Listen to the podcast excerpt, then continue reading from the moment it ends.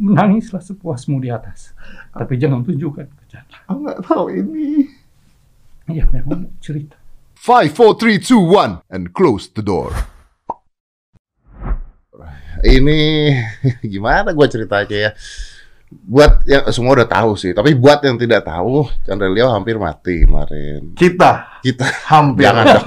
mati. kita hampir mati. Ya. Sekarang kita bisa ketawa-ketawa nih ya. Hmm. Tapi kalau lu lihat videonya Chandra, kemarin gua lihat videonya Chandra, gua meneteskan air mata, nggak ketawa gitu karena keadaan dia tuh udah parah banget, udah udah I don't think it can be help padahal kalau gua ngeliat lu napasnya udah kayak gitu ya, gua nggak Ya. berpikir lu bisa diselamatkan tadinya ya. Kalau Hmm. gua ngeliat itu ya, tapi I know bahwa lu udah selamat karena gua tahu duluan kan Iya, sebenarnya. iya. Jadi dari sebelum gua announce, emang Dedi itu gua kasih info gara-gara kita sama. Betul. Gua ngerasa kayak lah Saudara kita sekarang. ya dia saudara nih, saudara si Tokin. Iya, betul. iya. Gua kasih tahu, gua cuma kasih tahu doang, Ded, gua juga si Tokin. Iya. Kan? Iya. Langsung lu telepon. Oh. Oh, langsung lu telepon kayak lu gimana? Lu gimana? Iya, iya, udah, udah, udah. Sudah sebulan dua bulan lalu gitu dia. Jadi emang emang guanya kan yang kayak nyari waktu yang tepat untuk kasih tahu ini ke orang-orang gimana karena buat gue mentally gue mesti recovery juga nggak cuma physical Iya, doang betul. Iya, Gua- gua secara yakin, mentally gua gue mesti gua recover yakin. juga Tapi Om, saya Iya. terharu sekali dengar ceritanya Chandra tentang Om. iya Karena Oh. sekarang Kapten Amerika udah nomor dua katanya. Jadi saya saya setuju sih Kapten Amerika mah nggak ada papanya lah ya. kalau sekarang iya dibanding sama bokap gue sekarang Iya. bokap walaupun Captain Amerika nyelamatin semua orang tapi belum pernah nyelamatin gue betul, betul, dan betul. bokap gue yang pertama kali Ya, nyelamatin gue Kalau Kapten Amerika kan itu kan lingkupnya kan global. Kalau saya kan itu Keluarga. lingkup keluarga. Iya. Betul. Om, tapi saya mau tanya satu. Maaf nih, saya mau tembak satu pertanyaan doang Hmm. awalnya. Kalau Chandra waktu itu lewat gimana? Mungkin saya akan marah Tuhan. Saya akan marah sama Tuhan. Karena apa? Eh, sorry, saya kalau udah bicara soal canda itu emosi saya sudah terganggu. Eh, kembali lagi bahwa kalau sampai terjadi itu, saya akan marah sama Tuhan. Karena Chandra, eh, saya minta sama dia dan dia kasih dan dia kasih sama saya, tentu saya dikasih tanggung jawab. Tanggung jawab untuk menjaga, melindungi, membesarkan dia. Dan kalau itu sampai terjadi, ya itu saya sangat marah sama Tuhan. Chandra, ya, Ayu, lu anak satu-satu juga? Enggak. Enggak. jadi Empat. kita ada empat bersaudara gue Oke. anak ketiga Anak ketiga? iya Oke. Iya. Eh, sudah ada pengalaman sih untuk menghadapi seperti itu.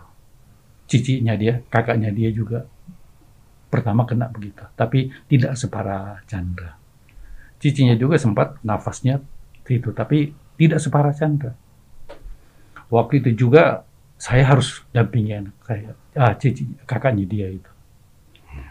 Orang selalu bilang bahaya bahaya, tapi saya cuma pikir Tuhan tidak akan memberikan cobaan yang lebih besar karena saya melindungi dan membesarkan, menjaga pemberian Dia kepada saya. Demikian kepada Chandra. Chandra waktu Isoma, saya lihat ini sudah lain. Hari pertama, hari ketiga, saya lihat sudah makin parah Chandra. Sampai hari ke-9, saya bilang Chandra harus ke eh hari ke-6 saya udah bilang Chandra kita ke rumah sakit. Chandra bilang "Ah, jangan dulu Pak. Masih Chandra masih bisa atasi kok. Tapi saya lihat sebagai naluri seorang ayah melihat sesuatu yang terjadi sudah ada lain ini.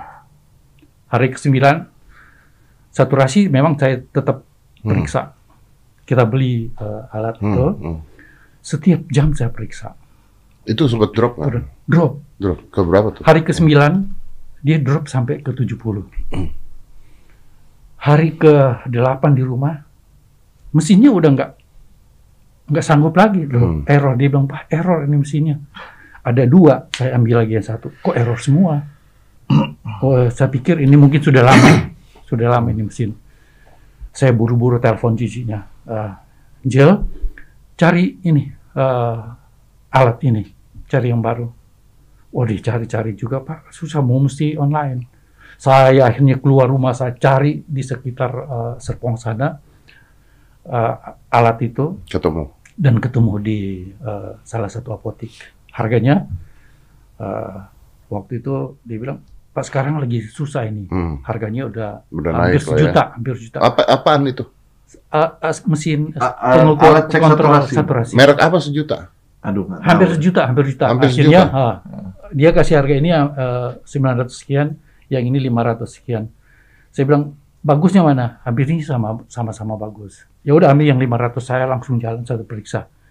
Dia di 70. Ini ini, maaf saya potong Om. Chan, lu gua nggak ngerti ini gini. Lu tahu dong, lu kan bukan orang bodoh ya, maksudnya lu you're smart dude gitu ya. I'm I'm admire lu karena you're smart gitu. Lu tahu ketika saturasi udah 70 it's fucking dangerous dude. Oke, jadi gini, di kondisi ketika gue dicek-cek saturasi, gue tuh nggak yang fully ngeliat terus, karena kan kondisi gue lemes di rumah. Jadi gue minta bokap gue yang ngeliatin. Oke. Gitu loh. Yang gue tahu kalau kalau udah ngecek dan udah agak lama dan nggak muncul-muncul, ini error nih, kok error sih? Ini nggak selesai kita ngeceknya gitu loh. Ah, Baru itu eh, bokap gue yang atur. Nah di saat itu gue cuman cuman karena itu tanggal hari ke Ke 89. 89. Nah ya itu itu hari di mana akhirnya gue ke rumah sakit. Di 70 itu saya harus paksa di ke rumah sakit. Iya. Oke, tapi sebelumnya turun juga kan? 80, 80. Iya, udah- 80 udah juga udah turun kan? Jan? Lu Iya. lu tahu dong. Amannya kan sebetulnya 95. 5. Iya. Iya. Dia Gua bermain di 93 sebenarnya itu. Enggak, pertanyaannya adalah kenapa Chandra Iya. nggak mau ke rumah sakit pada saat itu? di saat itu gue mikirnya ini masih error nih. Ini tuh Hmm. masih karena kan ini alat bener apa enggak sih? Gue gue yakin di rumah sakit ya akan lebih benar. Buat gue di sini kenapa enggak nih? Ini enggak nih. Ini alatnya. Ini alatnya. Apalagi ada sempat yang kasus error itu. Iya, Jadi iya, errornya nggak nggak nggak- nggak kejadian di Oke, akhir-akhir. oke, oke. Sempat sebelum masih di Oke. 90 Hmm. mati gitu loh kok udah ngecek error garis doang eh, strip doang dua biji gitu loh. Hmm. Ya udah di situ gue mikir kayak ini masih error, ini masih error, masih error. Oke. Karena gue sendiri, ya gue ngerasa gue makin parah. Akhirnya di tanggal 9, ya udah, akhirnya gue setuju. Kita ke rumah sakit. Enggak, secara klinis lu napas juga udah susah dong kalau misalnya Di situ itu- masih belum. Di situ Oh, di masih. situ masih Di belum. situ Masih- masih masih bisa gue tahan. Masih bisa gue tahan, tapi bukannya sampai sakit dan nyiksa gue, belum. Oke. Masih bisa nih, ini masih bisa. Ini gue mikir kayak, oke, ini udah mulai fasenya, tapi gue masih bisa. Gue masih bisa. Why would you nahan gitu? Kenapa lu harus nahan? Di- buat gue, kenapa gue menahan kondisi gue di sana?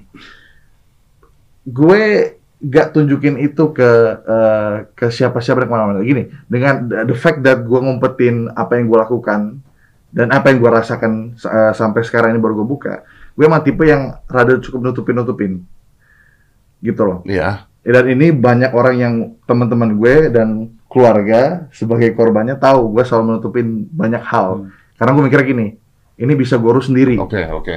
Gue independen. Lu bertanggung mandiri. jawab sendiri Gue akan tanggung sendiri. jawab Oke. ini sendiri. Oke. Karena di saat itu nyokap gue kan kena. Hmm. Dan gue ngerasa kayak, aduh, ini udah susah, ini udah sulit.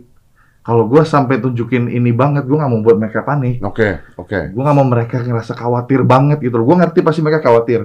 Tapi kalau gue makin nunjukin lagi, ya mereka makin khawatir. Gue harus ada fight buat gue sendiri. Gue harus fight Lu dulu makan nih. obat kah pada saat itu? Iya, Udah. makan. Makan eh, ivermectin udah sampai. Ivermectin makan. Ivermectin eh, itu kan katanya harus satu, Ya. tetapi eh, saya pelajari eh, harus sesuai dengan eh, berat badan. Oke. Jadi dia eh, saya kasih eh, satu setengah tablet Oke. dan Berarti berarti selama selama dia isoman itu makan obat ya? makan obat. Ada ivermectin kan sampai Ivermectin. detik ini masih political Masih. Ya. ricu gitu Pokoknya- ya. Ya. Ini Avigan gitu. Avigan ada. Avigan saya sampai dapat dua, itu pun setengah mati cari. Di apotik itu sampai harga 750 850 Ya, ribu. ya. Tapi Satu. makan, Om. Makan, saya Makan kasih. So you basically eat all the drugs yang harusnya dimakan gitu. Betul. Tapi ternyata kena badai sitokin. Juga Oh, kena, gitu. salah Gua di saat dong. itu, gue harus tunjukin fight gue juga. Nyokap bokap udah kena, eh nyokap kena, bokap udah bantuin. Masa fight gue cuma kayak terima ini semua? Gak mau gue. Akhirnya adalah gue tahan, gue konsumsi obat-obat ini. Ternyata kena juga. Sorry ya, gue ketawain. Gak apa-apa, gak apa-apa. Gue udah lewat dengan itu semua. Karena kita udah lewat itu ya. Iya. It's become a comedy. Padahal situ tragis gitu pada saat itu ya. sangat-sangat tragis. Dan lu kena badai sitokin nih kan? Iya. Udah kena badai sitokin. Panas berapa? Panas eh, apa? Sampai eh, 39, koma sekian. Iya, hampir 40 kan? 40, Pasti Iya, kan? mm. Wow. Eh, eh, bro, lu berpikir lewat nggak bro? Dan gue udah ngomong, gue udah ngomong ini di video gue Gue gue gue nonton, gue di nonton. YouTube lo nonton. Thank you, thank you. Dad. Gue udah putus asa. Karena di saat itu di IGD, aduh, gue setiap kali dengar cerita dari bokap, karena lagi rame-ramenya dan lagi parah-parahnya COVID, bokap gue bilang, Chan, ini kemarin ada, eh, eh, tadi ada anak yang, anak kecil, Hmm. yang bapaknya sa- samperin terus bapaknya kayak nggak percaya gitu ini hanya ini covid tapi udah parah gitu. Akhirnya nggak lama setelah itu dapat info udahan gitu loh. Setiap kali gue denger gini-gini cerita-cerita meninggal kiri meninggal kanan. Ini mah gue ngantri dong. Iya, tinggal tungguan kapan tinggal giliran nunggu kita. gitu. kapan gitu loh. Karena gue harus harus harus ini gue gua gue mikir kan mikir yang paling logis kayak gimana gitu loh. Ini yang selamatin gue ini udah sulit. Maksudnya dari segi eh, kapasitas eh, dokter dan juga suster nggak maksudnya eh, minim lah. Bukan minim maksudnya ada cuman kan parah dan banyak orang-orang di sana. Iya, iya. jadinya minim gitu Iya. loh ya ya gue mikirnya ya ya ya ya sudah. Gue cuma mikirin nyokap gue doang. Nyokap gue sakit kan gara-gara gue. Terus kalau misalkan eh gue harus diambil nyawa gue. Kan gue bilang sama Tuhan kan ambil ambil ambil. Tapi nyokap gue 100% sembuhin tolong banget 100% sembuhin. Dan silakan ambil nyawa gue. Karena gue yakin di saat itu salah satu dari kita mungkin ada yang gak selamat. Dan baiknya adalah kita deal kita fair. Satu-satu satu mati satu enggak dan gue pengen nyokap gue untuk enggak gue aja yang mati. Tapi lu tahu kan, kalau Gitu. nyokap lu juga berdoanya kayak gitu. Nggak mungkin lah, Chan. Ya, sorry ya Umi, maksudnya kalau saya jadi orang tua, jadi ini gue mau iya. nangis nih gue denger ngomong gini. Maksudnya kalau gue jadi orang tua juga, orang tua juga doanya, ya kalau bisa ngambil saya, ambil saya aja Iya, gitu. itu juga sempat ke saya. Sempat ke saya ketika saya eh, lihat Chandra setelah di GD, dia tidak berdaya, tatapannya kosong ke atas begitu. Dan pada saat saya tegur dia, Chandra, Papa di samping kamu. Kuat kamu ya. Dia dia cuma ngomong, suaranya berubah. Suaranya jadi ngebas banget. Oh, oh, oh. aduh Aduh. Saya dengar kalau suaranya udah seperti itu. Saya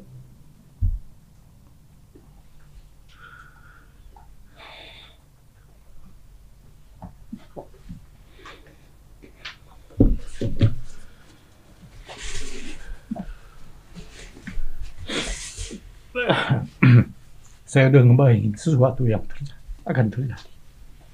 Tapi di saat itu pun, ku bilang, Tuhan, Chandra engkau kasih ke saya. Kalau engkau mau ambil, jangan dia berikan kesempatan dia hidup. Bagikan kepada saya penderitaannya. Engkau berikan, beri aku tanggung jawab untuk membesarkan dia. Kenapa dia harus sampai keadaan seperti ini? Jangan Tuhan, saya bilang jangan. Saya deal dengan Tuhan pada waktu itu. Jangan.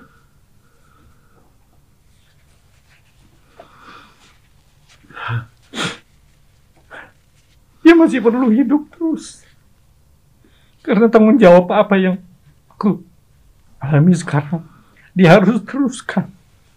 Manakala suatu saat dia punya anak juga nanti.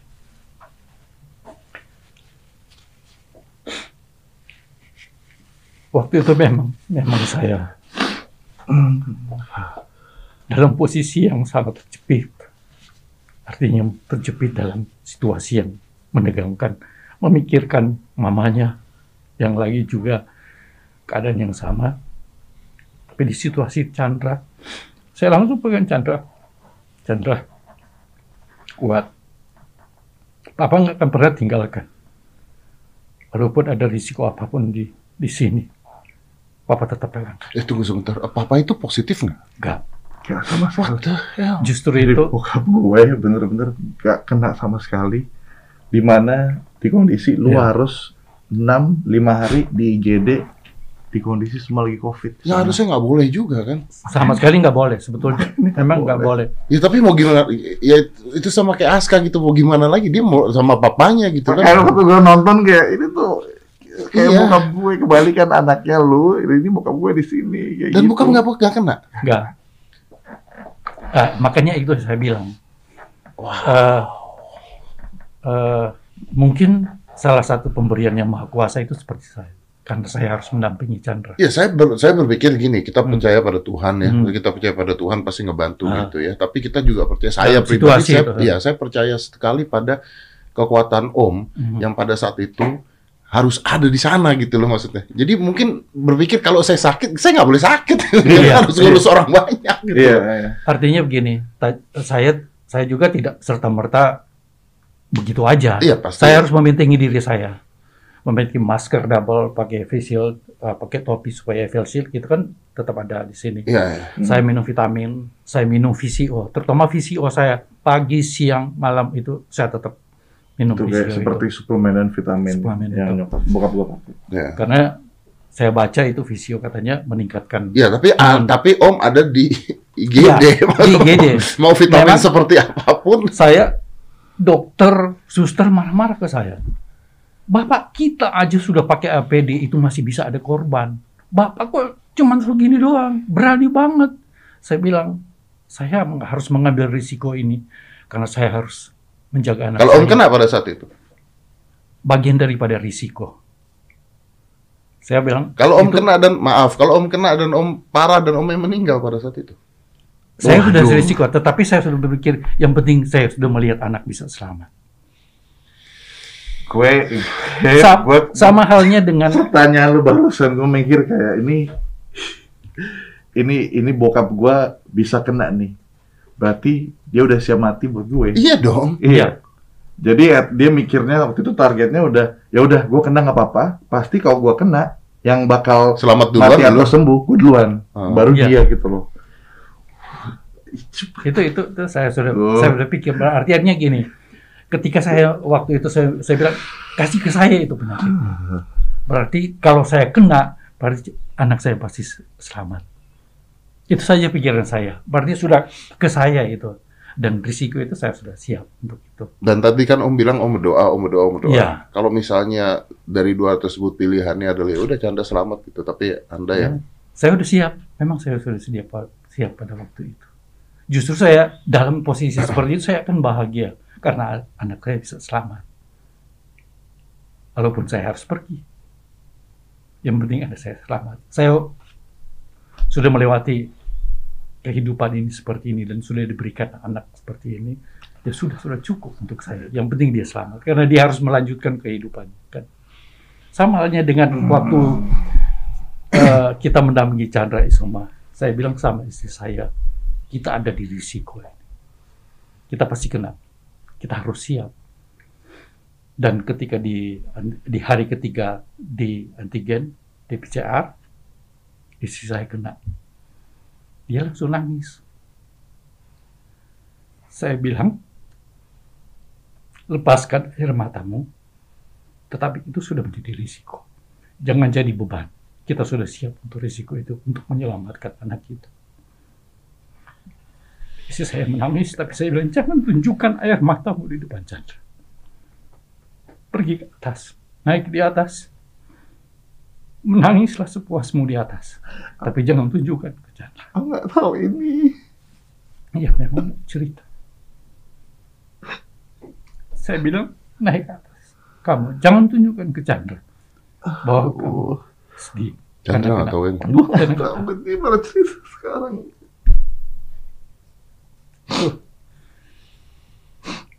Jadi Saya harus bilang, kuat di depan Chandra gitu. harus. Apa pun apa pun itu sa- bahkan di depan Chandra itu saya tidak nunjukin sesuatu apa-apa yang itu yang penting saya untuk memberikan semangat ini papa ada di kamu di dekat di dekat kamu. Apa pun kamu mau apa pun Chandra mau papa siap untuk jalan semua. Gitu Ya, dan di rumah sakit itu pun begitu. Yang yang saya heran itu empat malam itu saya tidak tidur, tapi saya tetap survive. Anda ti- mungkin gue mau tambahin gini ya. Jadi buat semua yang nonton, gue mau minta maaf. Gue jadi emosional lagi di sini terutama karena gini deh, relationship gue dengan bokap dan juga nyokap itu tuh kalau sepintas itu sebenarnya nggak dekat. Gue sama bokap gue, sama nyokap gue tuh, again, gue orangnya yang tertutup, bahkan sampai ke keluarga. Ya. Jadi otomatis nggak ada relationship yang uh, Hmm. dekat ngebuat ngebuat uh, uh, uh, ngebuat gue mikir kayak oh ini yang akan dilakukan udah pasti bokap gue bakal begini udah pasti bakal begini bu untuk untuk gue karena kita dekat tapi ini kan enggak jadi itu yang ngebuat gue bener-bener kayak kita tuh di posisi kayak ngomong jarang komunikasi jarang tapi lu masih mau ngurusin gue di situ poinnya because he's a parents. Iya, gue tuh, gue tuh mikir kayak, gue tuh termasuk anak yang apa ya, ya Dia rebel lah. ya. rebel. Eh, dia bukan gimana ya? Dia Chandra itu sifatnya ingin eh, sebagai orang tua tahu dia mau tunjukin bahwa dia bisa mandiri, bisa survive sendiri. Dan ketika selalu ditanyain, oh baik-baik, dia selalu datang ke rumah. Selalu cuma bilang, Pak, saya begini.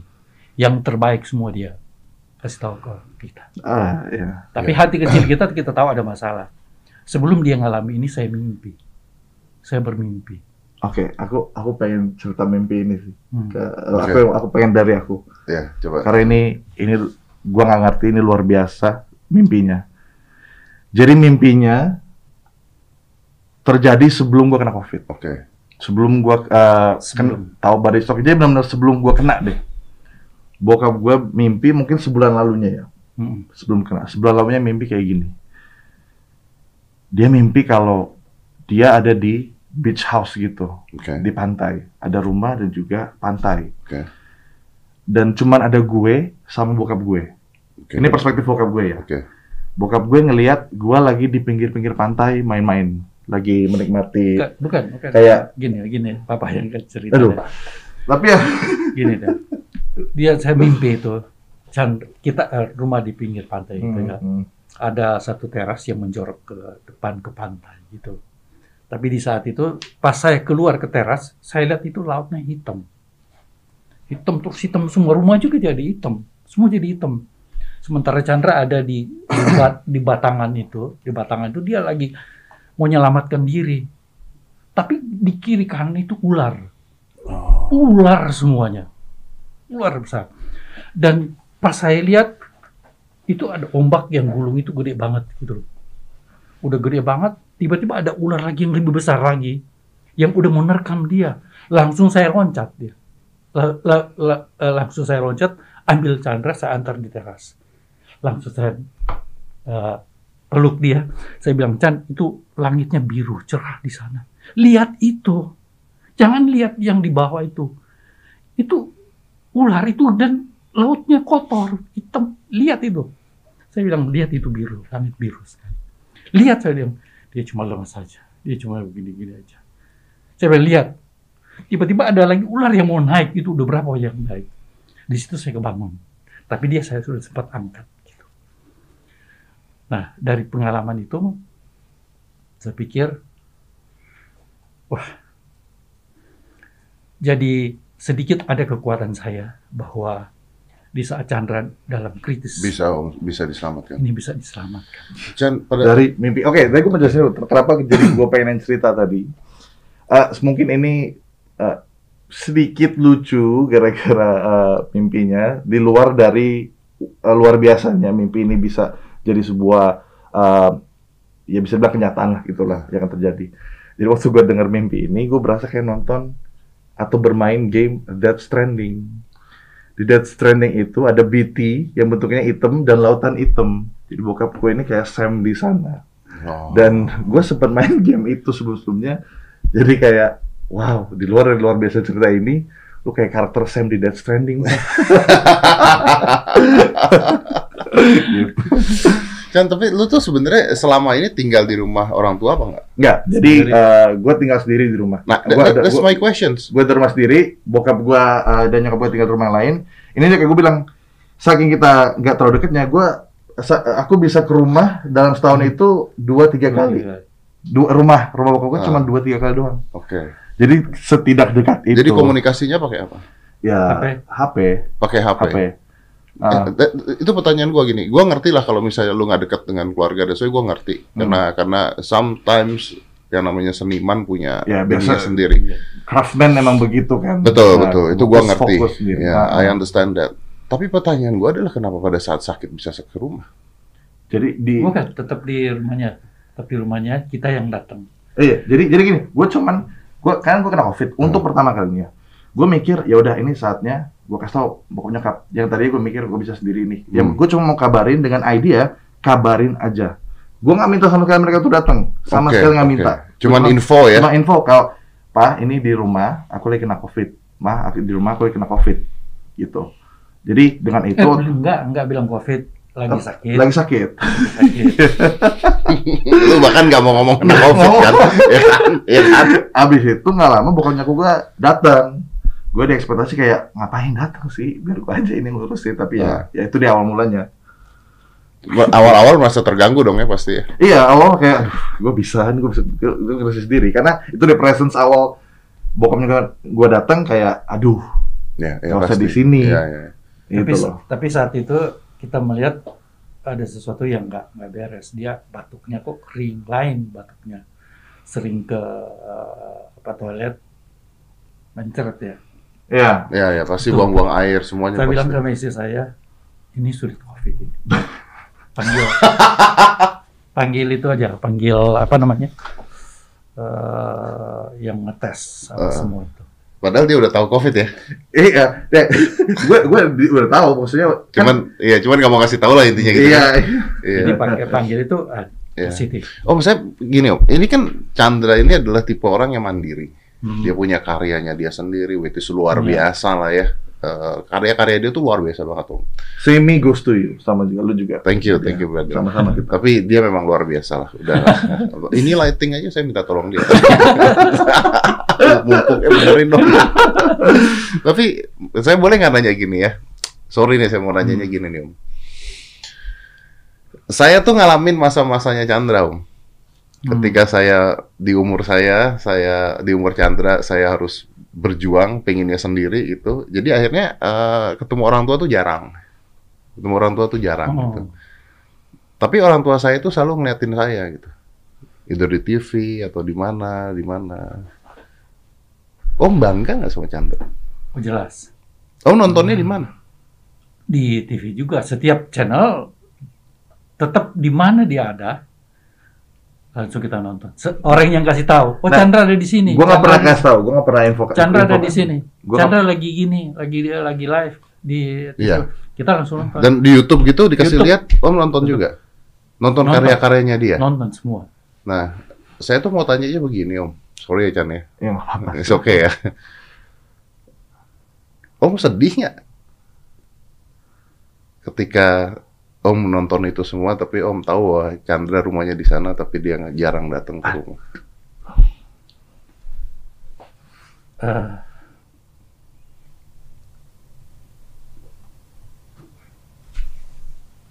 sebentar.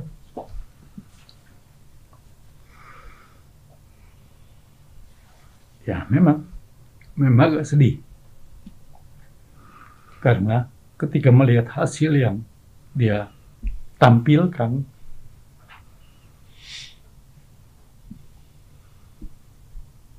saya cuma ngebayangin bagaimana capeknya dia. Capeknya, Cuma bayangin capeknya dia doang. capek sama hasilnya yang dia, ah om harus merasa bangga gitu. Tapi dibalik semua kebanggaan itu, Om selalu melihat bagaimana proses itu. Dia perlu ada orang yang memperhatikan kondisinya. Itu kan dia harus sendiri. Saya bilang ke istri saya, WA dia, ingatin dia untuk kondisinya. Jangan selalu capaian hasil yang udah gitu bagus, tapi kalau berakibat ke Tapi omnya sendiri sedih nggak ketika Chandra jarang pulang, jarang ketemu om, jarang ketemu Pasti. tante? makanya sering WA sama dia. Walaupun dia nggak balas juga. Kadang telepon dia nggak nggak angkat. Sedih eh, sedih marah gitu loh. Hmm. saya selalu bilang dalam hati saya aduh anak saya satu ini kok begini amat ya? Apa dia sudah lupa saya sebagai bapaknya tapi selalu saya bal- balik lagi. Ah sudah. Biarkan dia untuk mandiri. Karena Saya nangis ini namanya kalau Hmm. begini caranya. karena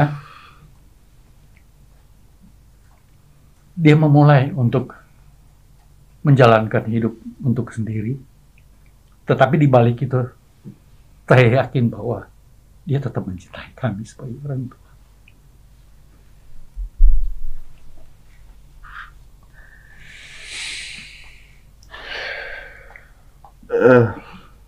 Saya cuma berpikir saya memang agak keras ke mereka saya harus didik keras ke mereka karena saya selalu kasih tahu ke mereka bahwa dunia ini sebetulnya gelap Iya, benar. kita tidak tahu sejam kemudian apa yang terjadi.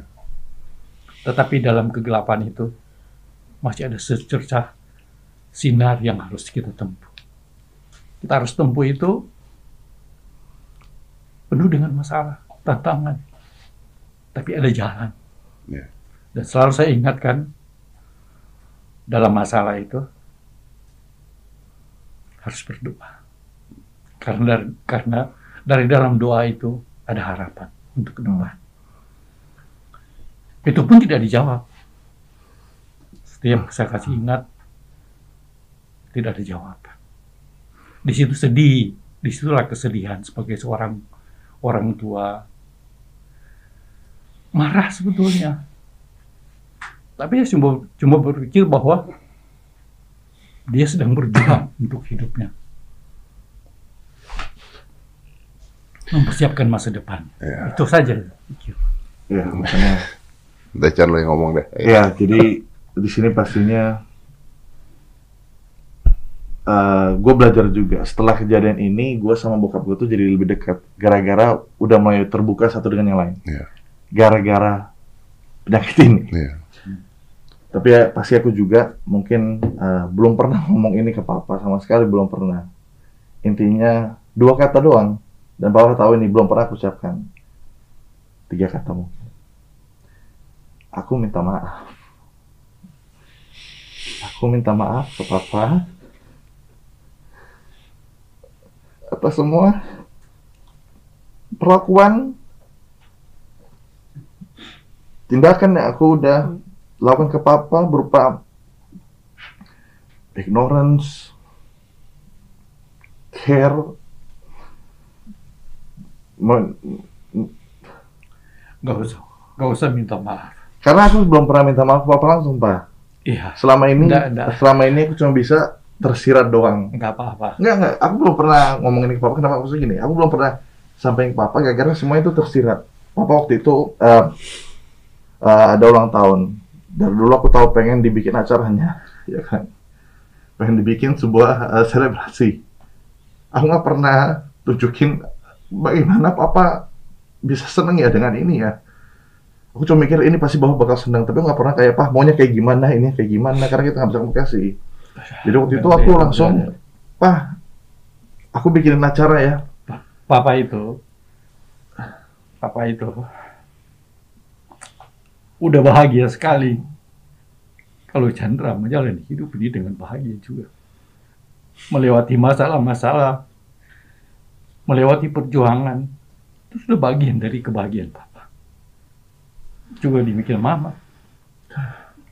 Yang papa takut ketika Chandra tidak sanggup menghadapi masalah. Ya. Bapak udah ajarin Chandra itu harus harus sanggup dan jangan nyerah dengan dengan masalah. Ya. Masalah itu melewati masalah itu adalah pendewasaan yang bekal untuk ke depan. Itu gitu. Nggak usah minta maaf apa. Papa enggak. Ya. gitu loh. Ya bro, sudah bro.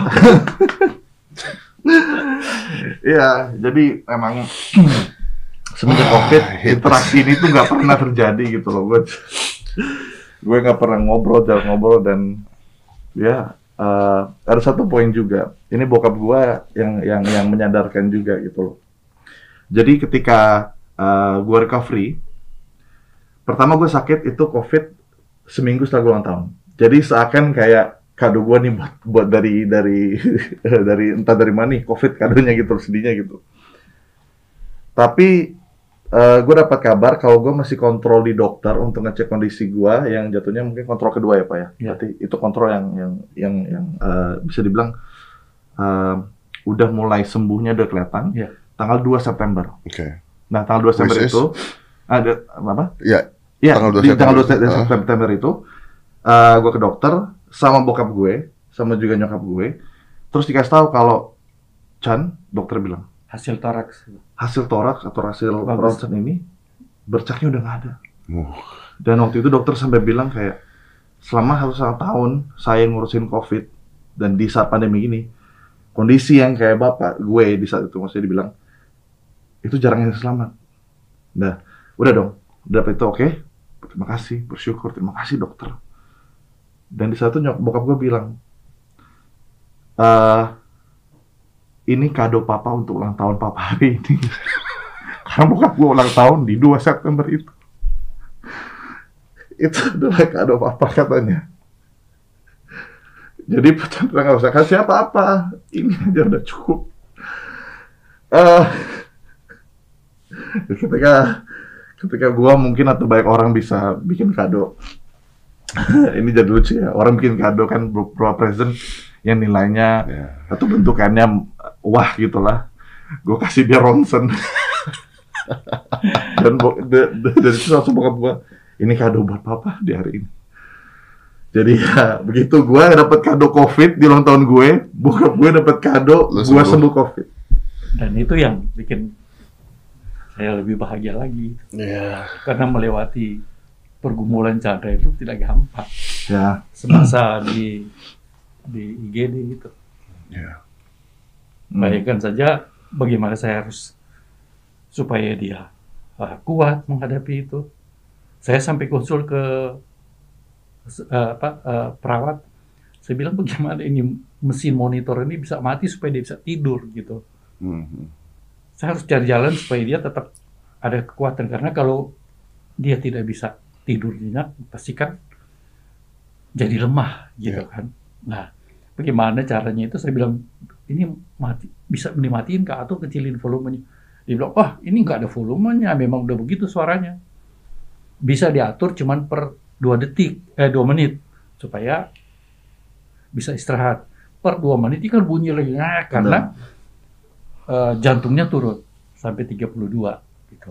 Saturasinya sih Nah. naik ke atas di 90. Jantungnya turun sampai ke 32. Itu 32. Aduh ya. Itu saat ke 32. eh, mesin itu kan bunyi ketika di bawah 40. 39 dia udah bunyi. Dia terganggu. Saya pelajari itu mesin. Wah, melewati berapa hari, eh melewati berapa jam itu saya lihat oh dia bunyinya cuman di eh, apa dia sampainya di 36 cuma sekali doang yang 32 34 tapi lebih dari itu 36 stopnya di 36 nah ketika itu saya bilang ke suster eh perawat saya bilang tolong matiin aja ya. tapi nggak bisa dikontrol. Saya bilang saya kontrol saya akan pegang dia selalu terus. Jadi pengganti mesin saya. Saya bilang ke perawat pengganti mesin saya. Saya akan pegang anunya terus nadinya terus. Oh, sampai tidur. Jadi ketika dia akhirnya perawat bilang ya sudah mati tapi jangan bilang dokter. Nanti dokter marah saya. Saya bilang nggak apa-apa. Jadi satu malam itu saya lihat dia pulas, sudah pulas banget. Tapi ini saya tidak lepas. saya tetap pegang. Mat, mat, mesinnya udah mati. Jadi dia salah saya pegang dengan hitungan yang sudah diajarkan oleh perawat. Saya pegang.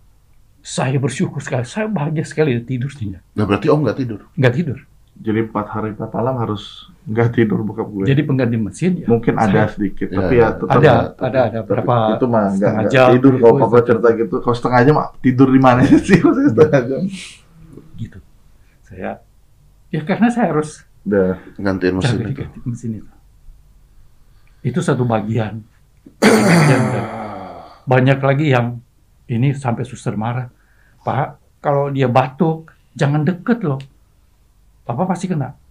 Bagaimana dia harus minum dengan eh, apa eh, selang, Selang, di ya. mulut.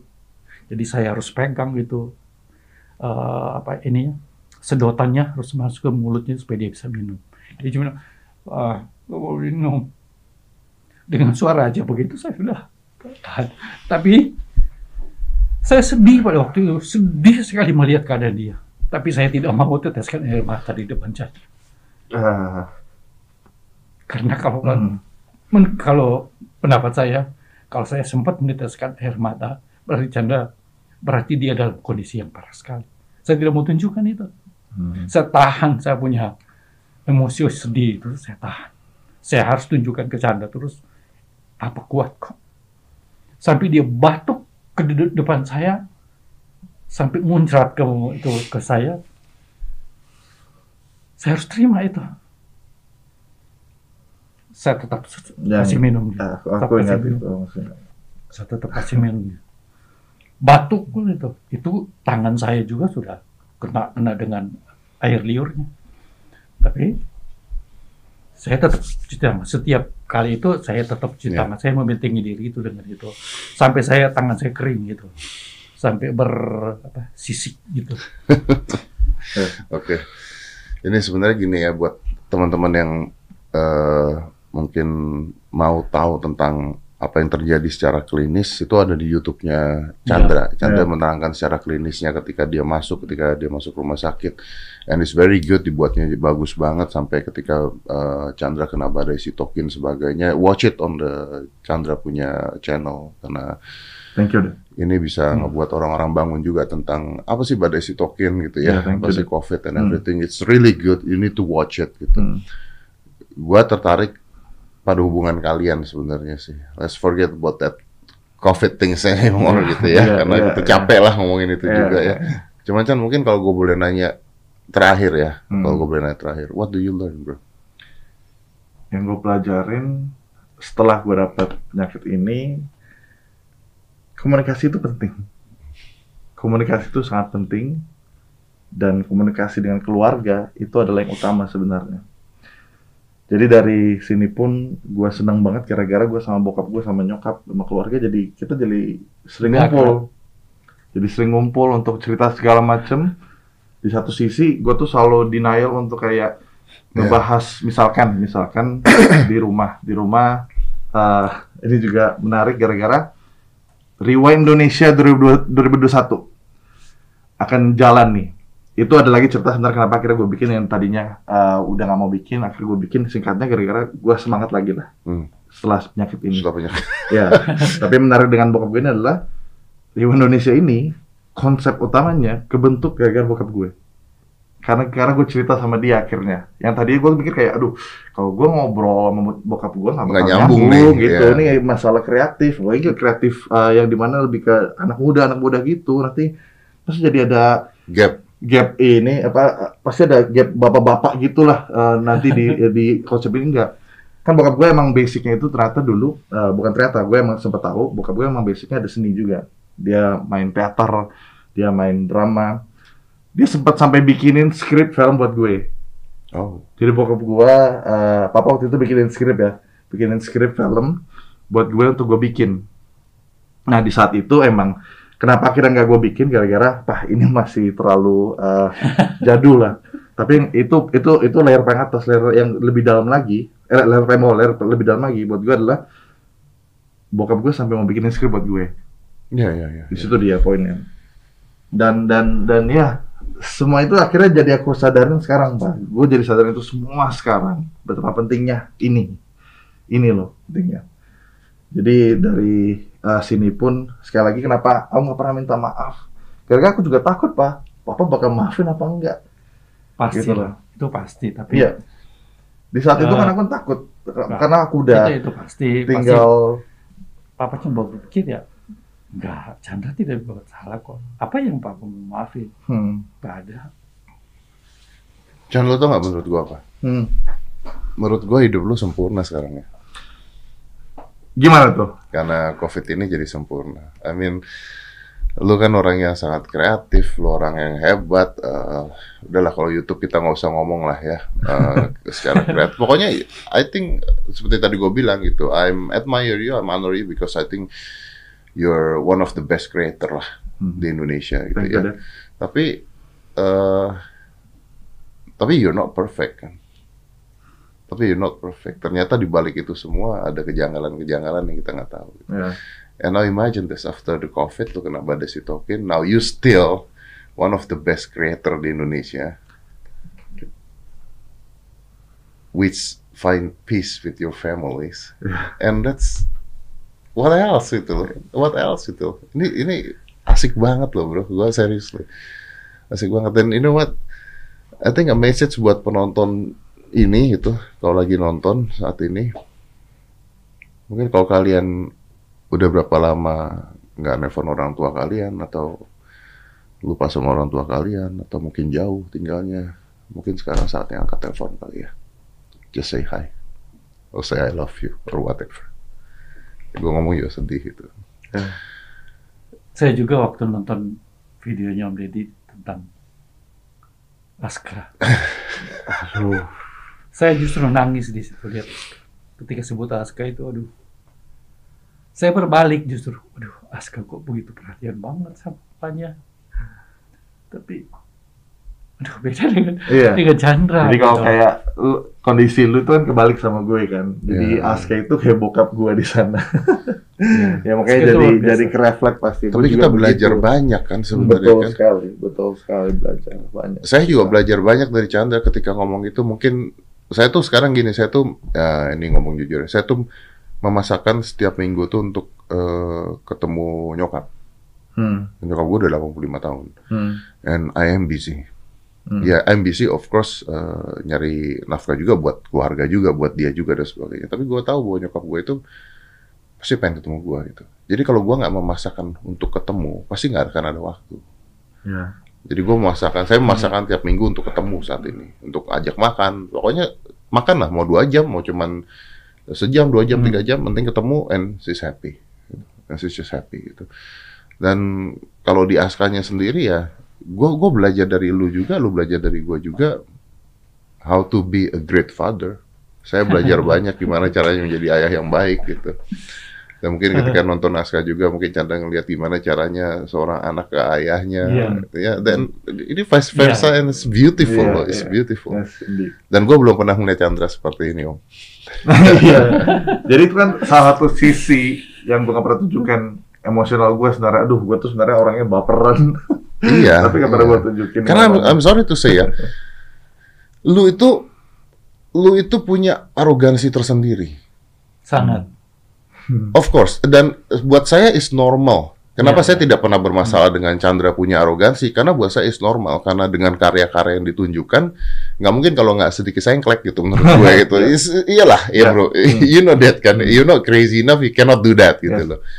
Tapi ini saya nggak pernah lihat dari Chandra. Chandra minta maaf tuh. Wah, gue gila. Gue Baru kali ini. Gemeter. gemeter gue ngomongin dua kata itu sebenarnya. Baru kali ini, gue. makanya saya bilang nggak usah di, nggak perlu minta maaf sama papa. Ya kan sebetulnya,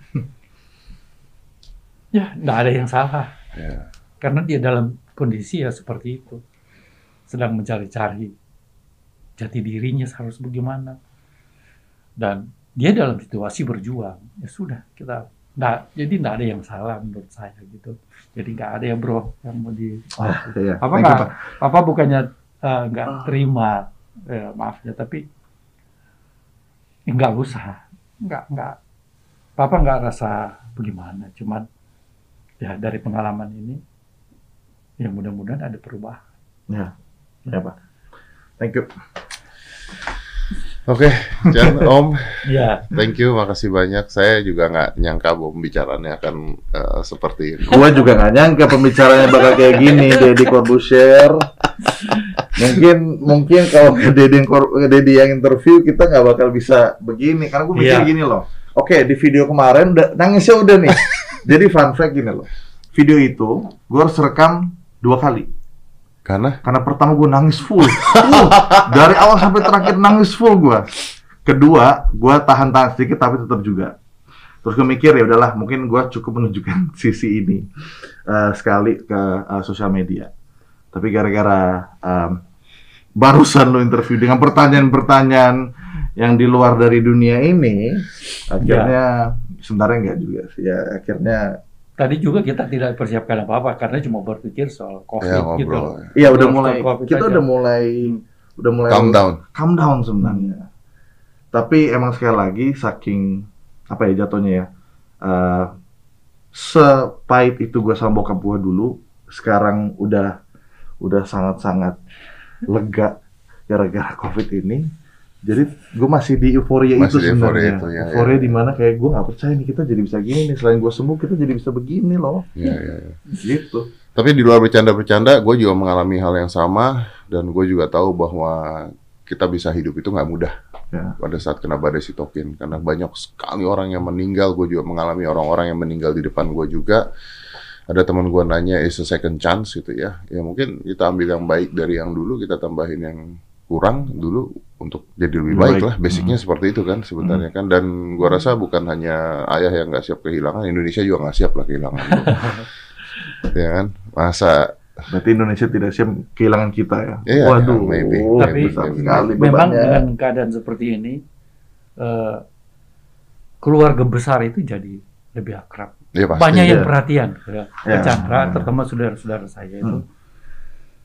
Wah, sampai jadi sibuk juga gitu. Saya di rumah sakit mereka yang Ah. bukannya keluarga intel Oh, saya, tapi dari luar yang Iya. yang ngirimin makan, apalagi kakak saya tantenya dia di Bintaro sini. Waduh, perhatiannya bukan Ya, luar boleh. biasa ya. Ah, Tante Ya, ya. selfie. Tante eh, self. Ya, at the end of the day, family does matter lah. Iya. Ya. Ya. Satu poin ini sebentar buat buat lu juga. Oke. Dok. Ketika lu, gue mau sampaikan ke lu sekarang. Ketika lu eh, di saat sekarat kemarin Ah. Dan akhirnya sembuh, sebenarnya gini, lu adalah orang yang sebenarnya udah berbuat banyak sebenarnya buat buat kontribusi buat Indonesia lah. Jadi di satu sisi, gue nggak tahu lu mikirin apa enggak, pasti lu di satu- sisi mikir, gue udah buat banyak nih, udah buat achievement besar-besar Ya. buat diri lu dan buat Indonesia juga. Tapi di sini berarti adalah tandanya lu akan adalah ada, lu akan ada lagi achievement yang lebih besar lagi. Makanya lu belum waktunya untuk mati sekarang. Oke, I never think about that. itu dia. Lu pikir sekarang udah jadi podcast terbaik di dunia dan Indonesia? Karena Joe Rogan nggak usah subscriber, subscriber berapa? Nggak, nggak nyampe selu kan sekarang dan, dan impactnya juga sudah segitu kan. Berarti lu akan lebih besar lagi dari yang sekarang dan dan lu belum waktunya selesai. Itu dia. Kita belum waktunya selesai. Iya, terima Kita kasih belum banyak. waktunya selesai. Thank you, Chan. Thank you, Yes, Deddy Corbuzier. honor is a pleasure, Om. Ya, makasih. Thank you yang pasti sehat-sehat terus dan kalau boleh terakhir sebelum saya tutup cobalah dibawa ke lab Ya, baik. baik, dicek baik. darahnya Kita cek. apa yang menyebabkan beliau ini tidak terkena kemarin. Jangan-jangan beneran-beneran eh, super soldier dia. Nah, ya Beneran kan? Captain America nih. Iya kan? Ini darahnya harus diambil buat Iya, orang-orang jadi. siapa tahu. Tiga orang kan yang kena Ah. di keluarga saya kan tiga. Om nggak kena kan? Yang nggak kena. Ada yang salah. ada yang salah. Ada yang salah dari Om Itu udah darah superhero emang. Who knows ya Iya, kan? iya. Thank you, thank you for coming. Thank you, Ya. thank you. An honor. Let's close this. Five, four, three, two, one, and close the door.